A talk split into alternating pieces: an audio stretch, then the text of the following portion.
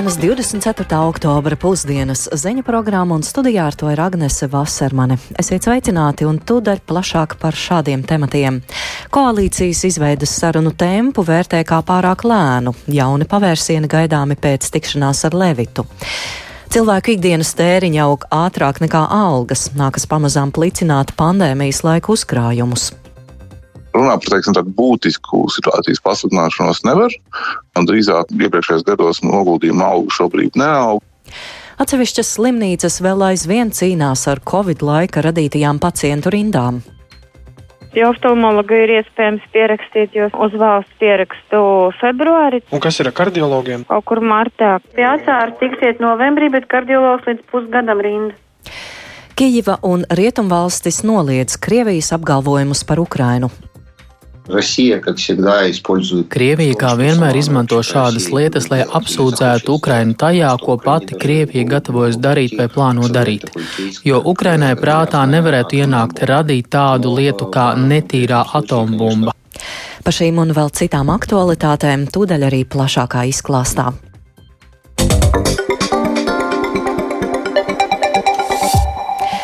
Turpinām sekot līdzi valdības veidošanas sarunām. Premjerministrs Krišjānis Kariņš no jaunās vienotības pēcpusdienā informēs valsts prezidentu Egilu Levitu par līdzšanējo valdības veidošanas sarunu norisi.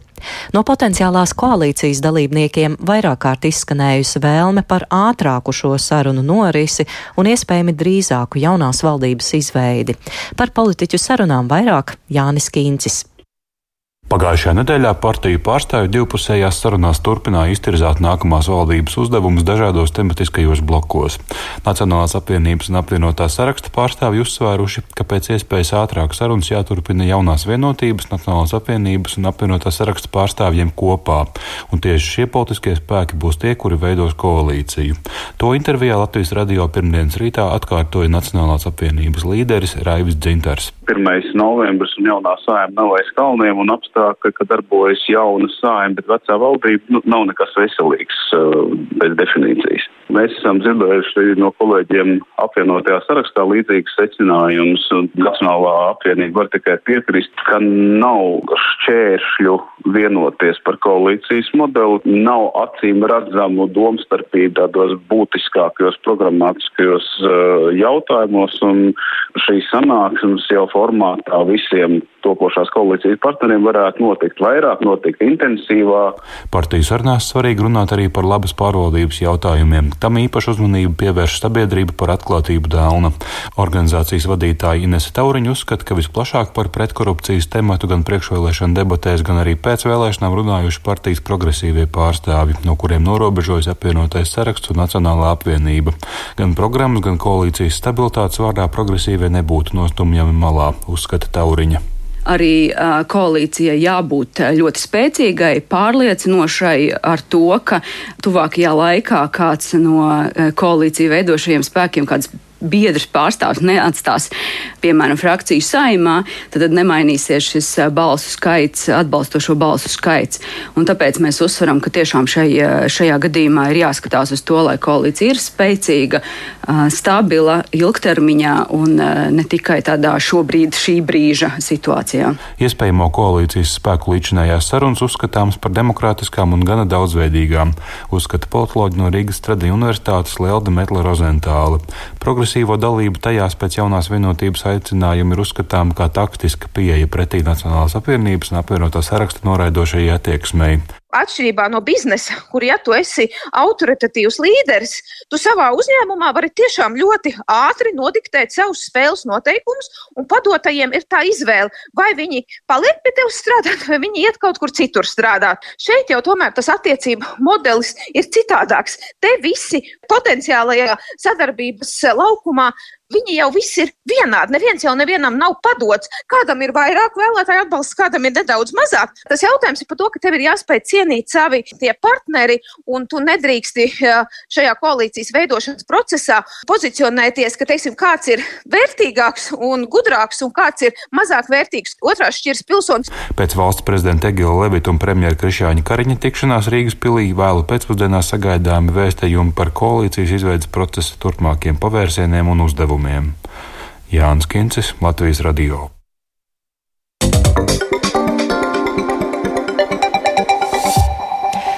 Cilvēku ikdienas tēriņi aug ātrāk nekā algas, līdz ar to nākas pamazām plicināt pandēmijas laikā veiktos uzkrājumus. Latvijas radio aptaujātie banka ekonomisti apliecina, ka mazinoties pirktspējai, Latvijas iedzīvotāji ir sākuši tērēt uzkrājumus, lai sektu ikdienas tēriņus par pārtiku un izdevumus par mājokli.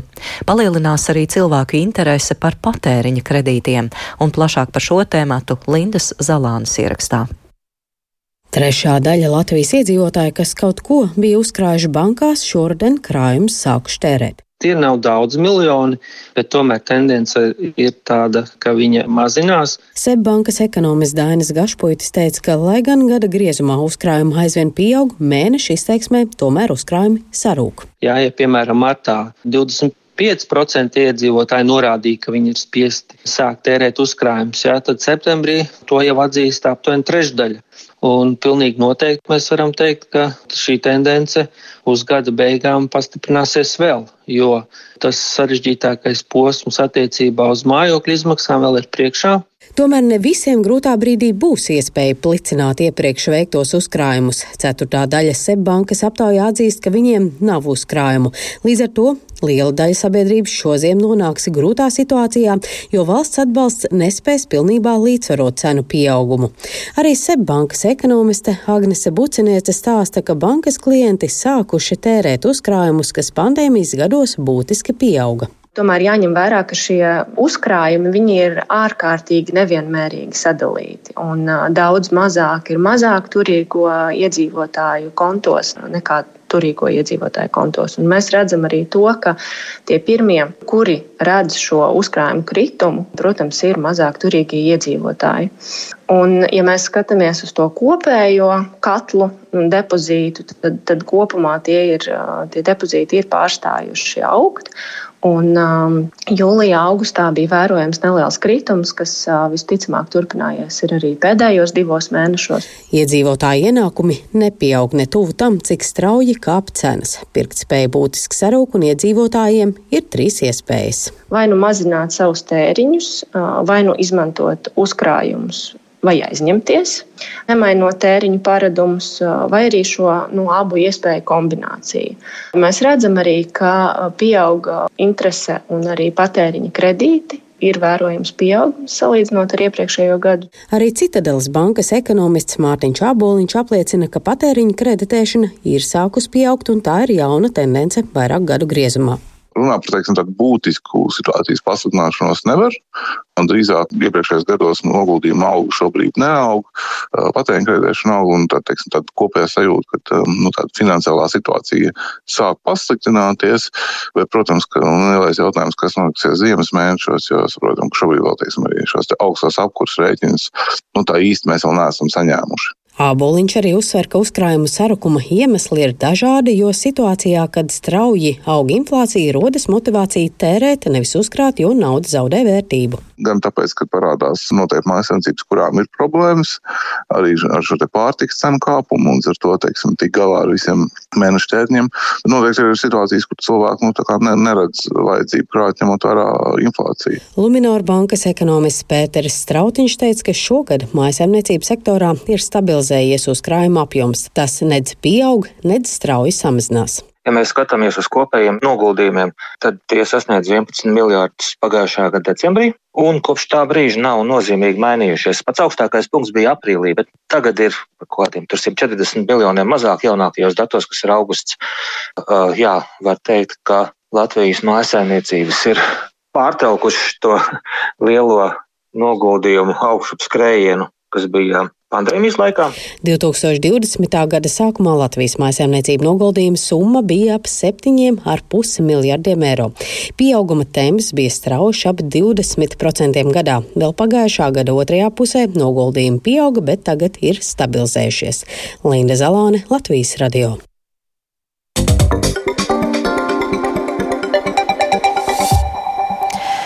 Un turpinām ar aktualitātēm. Ukrainas un Rietumvalsts amatpersonas noraida Krievijas apgalvojumus, ka Ukraina gatavojoties izmantot tā saucamo netīro bumbu savā teritorijā, lai pēc tam vainotu Krievijas masu iznīcināšanas ieroču pielietošanā.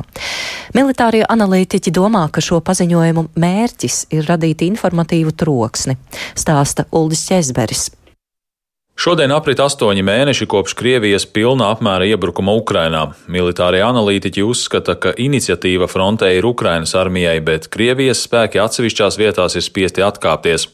Tāpēc pieaug bažas, ka Kremlis varētu izmantot kodolieročus vai kādus citus masu iznīcināšanas ieročus Ukrainas teritorijā, lai atmaksātu neveiksmes kara laukā. Plašu uzmanību ir izpelnījušies Krievijas paziņojumi, ka Ukrainas bruņotie spēki it kā plāno savas valsts teritorijā uzspridzināt netīro bumbu jeb sprākstierīci, kas var saturēt radioaktīvus materiālus, bet pēc tam vainot Krieviju.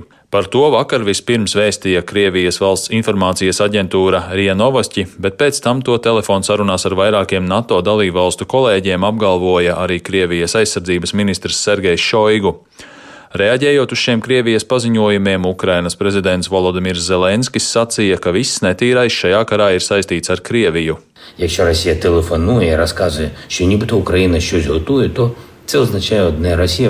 Ja Krievija zvana un saka, ka Ukraina it kā kaut ko gatavo, tas nozīmē vienu. Krievija to visu jau ir sagatavojusi. Uzskatu, ka tagad pasaulē jārēģē pēc iespējas skarbāk. Ja Krievija atkal gatavojas paaugstināt likmes un spērt vēl vienu eskalējošu soli, tad tai jau tagad, pirms jebkādiem jauniem netīrumiem, ir jāparāda, ka pasaule to nenorīs. Jau paši Krievijas draudi par kodolieroču izmantošanu ir pamats gan jaunām sankcijām, gan atbalsta Ukrainai stiprināšanai. Jo spēcīgāk mūs atbalstīs, jo ātrāk šis karš un visi iespējamie Krievijas draudi beigsies. Kad teroristu valsts paaugstina likmes, tai jājūt, ka tas nedarbosies. Повинна відчути, що це не спрацює. Savukārt Ukrainas ārlietu ministrs Dmitro Kuleba paziņoja, ka viņa valsts rīcībā nav netīrā bumba, jo Ukraina ievēro pašas parakstīto kodolieroču neizplatīšanas līgumu. Arī viņš norādīja, ka Krievi bieži apsūdz citus tajā, ko paši plāno darīt.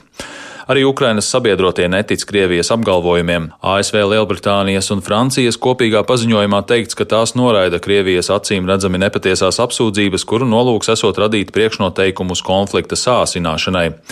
ASV Domnīcas kara izpētes institūts analītiķi uzskata, ka Krievijas izteikto apsūdzību mērķis bija sēt šaubas rietumvalstīs par to, vai turpināt piegādāt militāro palīdzību Ukrainai, kā arī mēģināt sašķelt NATO dalību valstis.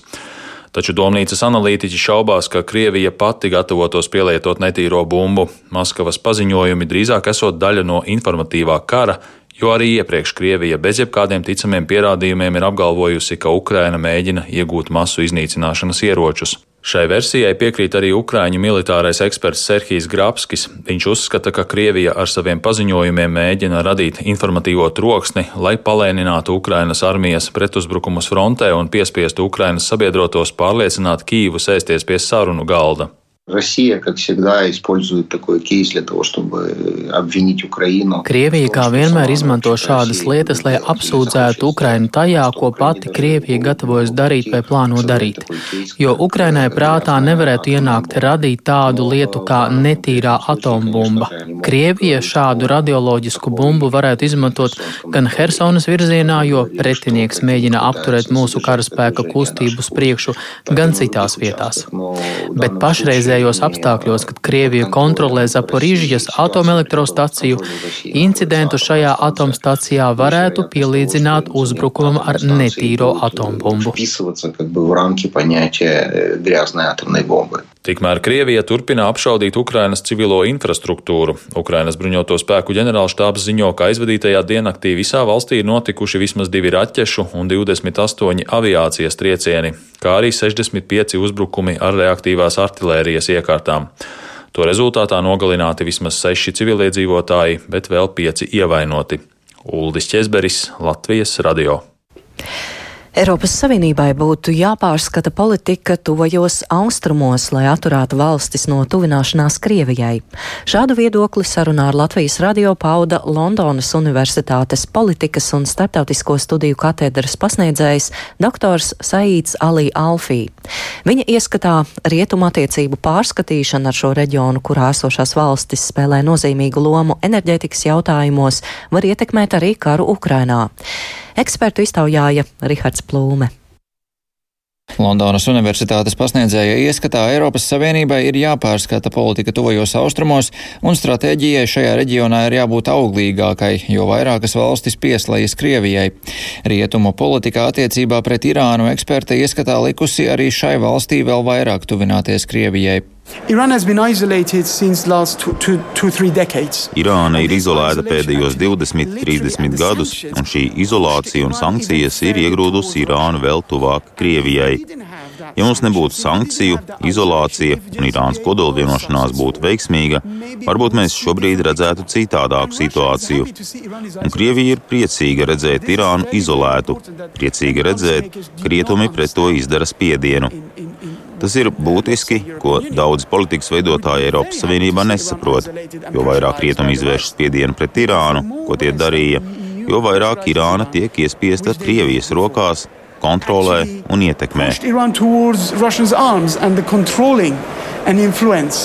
Saīts izcēla, ka būtiski neaizmirst arī par Irānas sabiedrības noskaņojumu, un tas nebūtu nav Krieviju atbalstošs.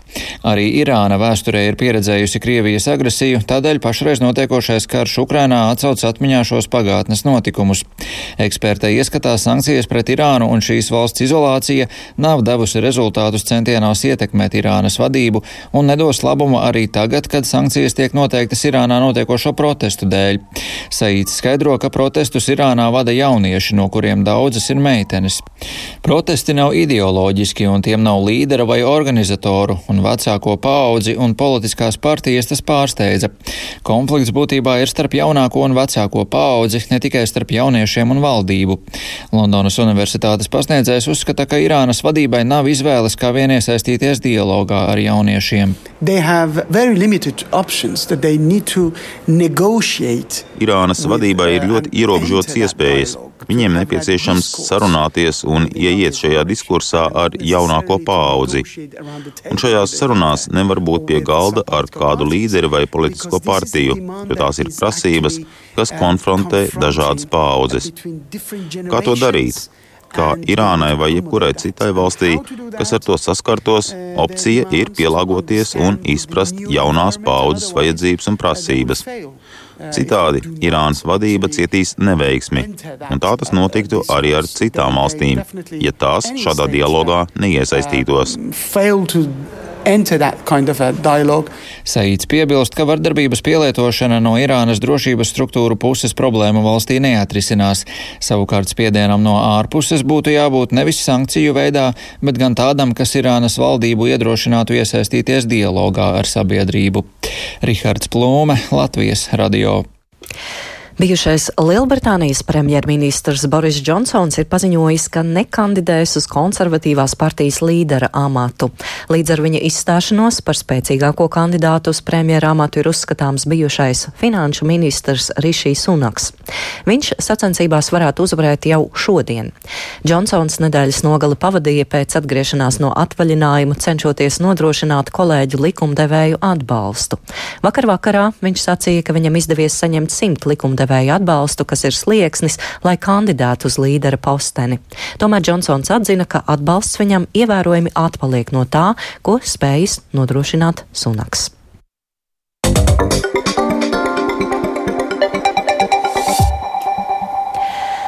Latvijā daļa slimnīcu vēl aizvien netiek galā ar rindām, kuras izveidojās Covid ierobežojumu laikā. Kopš 2020. gada sākuma, kad Latviju skāra Covid infekcija, valstī vairākas reizes ir nācies ierobežot pacientu pieņemšanu ārstniecības iestādēs. Šie cilvēki bija spiesti gaidīt, kad atkal varēs apmeklēt ārstu, turklāt mediķu palīdzība kļuva aktuāla vēl jauniem pacientiem. Pēc ierobežojuma atcelšanas slimnīcās tas radīja milzu rindas, kuras līdz galam novērstas daudz viet nav vēl šobrīd. Šim tematam pievērsās Kristaps Feldmanis. Līdz ar brīdi, kad Covid pandēmija sasniedza Latviju un šeit pieņēmās spēkā, valstī nācās ierobežot pacientu plūsmu ārstniecības iestādēs. Pirmie visaptvarošie slimnīcu apmeklējumu ierobežojumi Latviju skāra 2020. gada pavasarī, atminas veselības ministrijas pārstāvis Oskars Šneiders. 2020. gada pavasarī uz uh, aptuveni mēnesi ilgu periodu bija lielākie administratīvi noteikti ierobežojumi plānveida pakalpojumu sniegšanai. Otrs lielākais ierobežojumu posms noteikti bija 21. gada rudens, tad, kad plosījās Covid-19 delta vīrusa paveids, bija nepieciešams aptuveni mēneša garumā pārtraukt plānveida stacionārās palīdzības sniegšanu Šneiders uzsver, ka atgriešanās ierastajā režīmā slimnīcām notika dažādos ātrumos, jo tas bija atkarīgs no katras slimnīcas noslodzes, ko tai radīja covid infekcija. Un visi šie notikumi rezultējās ievērojamās pacientu rindās, jo tie, kuriem vajadzēja, laikus pie ārsta netika, turklāt paralēli radās vēl jauni pacienti. Un ar šo problēmu daļa slimnīcu galā netiek vēl šobrīd. Latvijas radio mēģināja noskaidrot, cik ilgi jāgaida uz valsts apmaksātu vizīti, piemēram, pie oftalmologa un kardiologa Rīgas Austrum Kliniskajā universitātes slimnīcā, kā arī Liepājas Liepājas un Daugopils reģionālajās slimnīcās. Jūs piezvanījāt uz Austrumu slimnīcas vienoto pieraksta tālruni. Jo oftalmologu ir iespējams pierakstīt, jo uz valsts pierakstu februāri tikai. Un kas ir ar kardiologiem? Nu, tur ir daudz grūtāk. Kaut kur martā aptuveni. Liepājas slimnīca Luda. Pie atsāra tiksiet novembrī, bet kardiologs līdz pusgadam rinda. Labdien!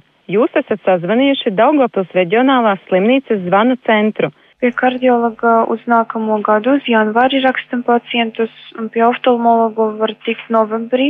Bez tam lielākajā daļā gadījumu pat par maksu pie kardiologa jāgaida līdz pat 3-4 mēnešiem. Savukārt oftalmologa austrumslimnīcā piedāvā novembrī, bet Daugopilī jau nākamajā darba dienā. Daugopils reģionālās slimnīcas vadītājs Grigoris Semjonovs gan uzsver, rindas radīja ne tikai ierobežojuma laiks, bet viss pandēmijas laiks, kas lika pēc katra pacienta rūpīgi tīrīt telpas, tādējādi kavējot plūsmu.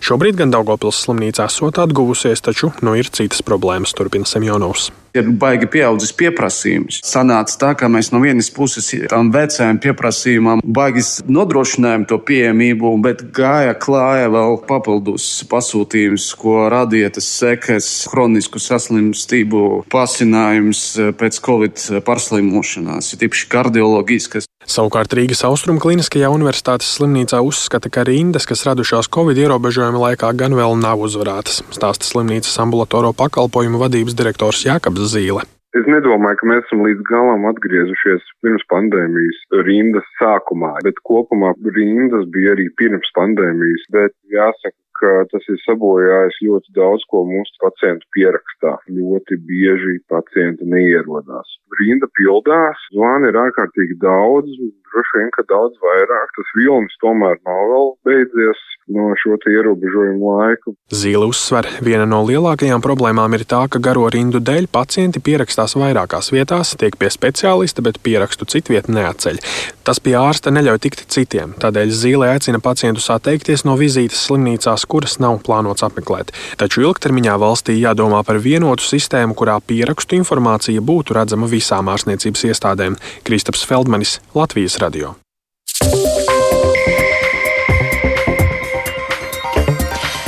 Arī izskan pirmdienas 24. oktobra Latvijas radio ziņa programma Pusdiena. Programmas producents Viktors Pupiks, ieraksts montēja Kaspars Groskops, pieskaņa pults Toms Šupeikaus studijā Agnese Vasermane. Un vēlreiz īsāk par svarīgāko.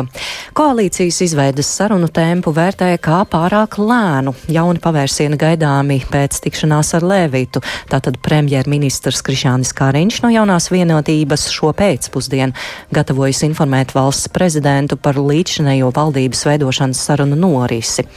No potenciālās koalīcijas uh, dalībniekiem vairāk kārt izskanējusi vēlme, ka sarunas varētu noritēt nedaudz ātrāk un valdību varētu izveidot iespējami drīzāk. Cilvēku ikdienas tēriņi aug ātrāk nekā algas un nākas pamazām plicināt pandēmijas laika uzkrājumus. Aptaujājām, ko par to saka ekonomisti, un viņi apliecina, ka mazinoties pirktspējai, Latvijas iedzīvotāji ķērušies klāt uzkrājumiem, lai saktu ikdienas tēriņus par pārtiku un mājokli. Vēl nianse, ka palielinās arī cilvēku interese par patēriņa kredītiem. Eh, Kijiva un Rietumvalstis noliedz Krievijas apgalvojumus, ka Ukraina plāno vērienīgu bumbas sprādzienu savā teritorijā, lai vainotu tajā Krieviju. Šodien aprit astoņi mēneši kopš Krievijas pilna apmēra iebrukuma Ukrainā.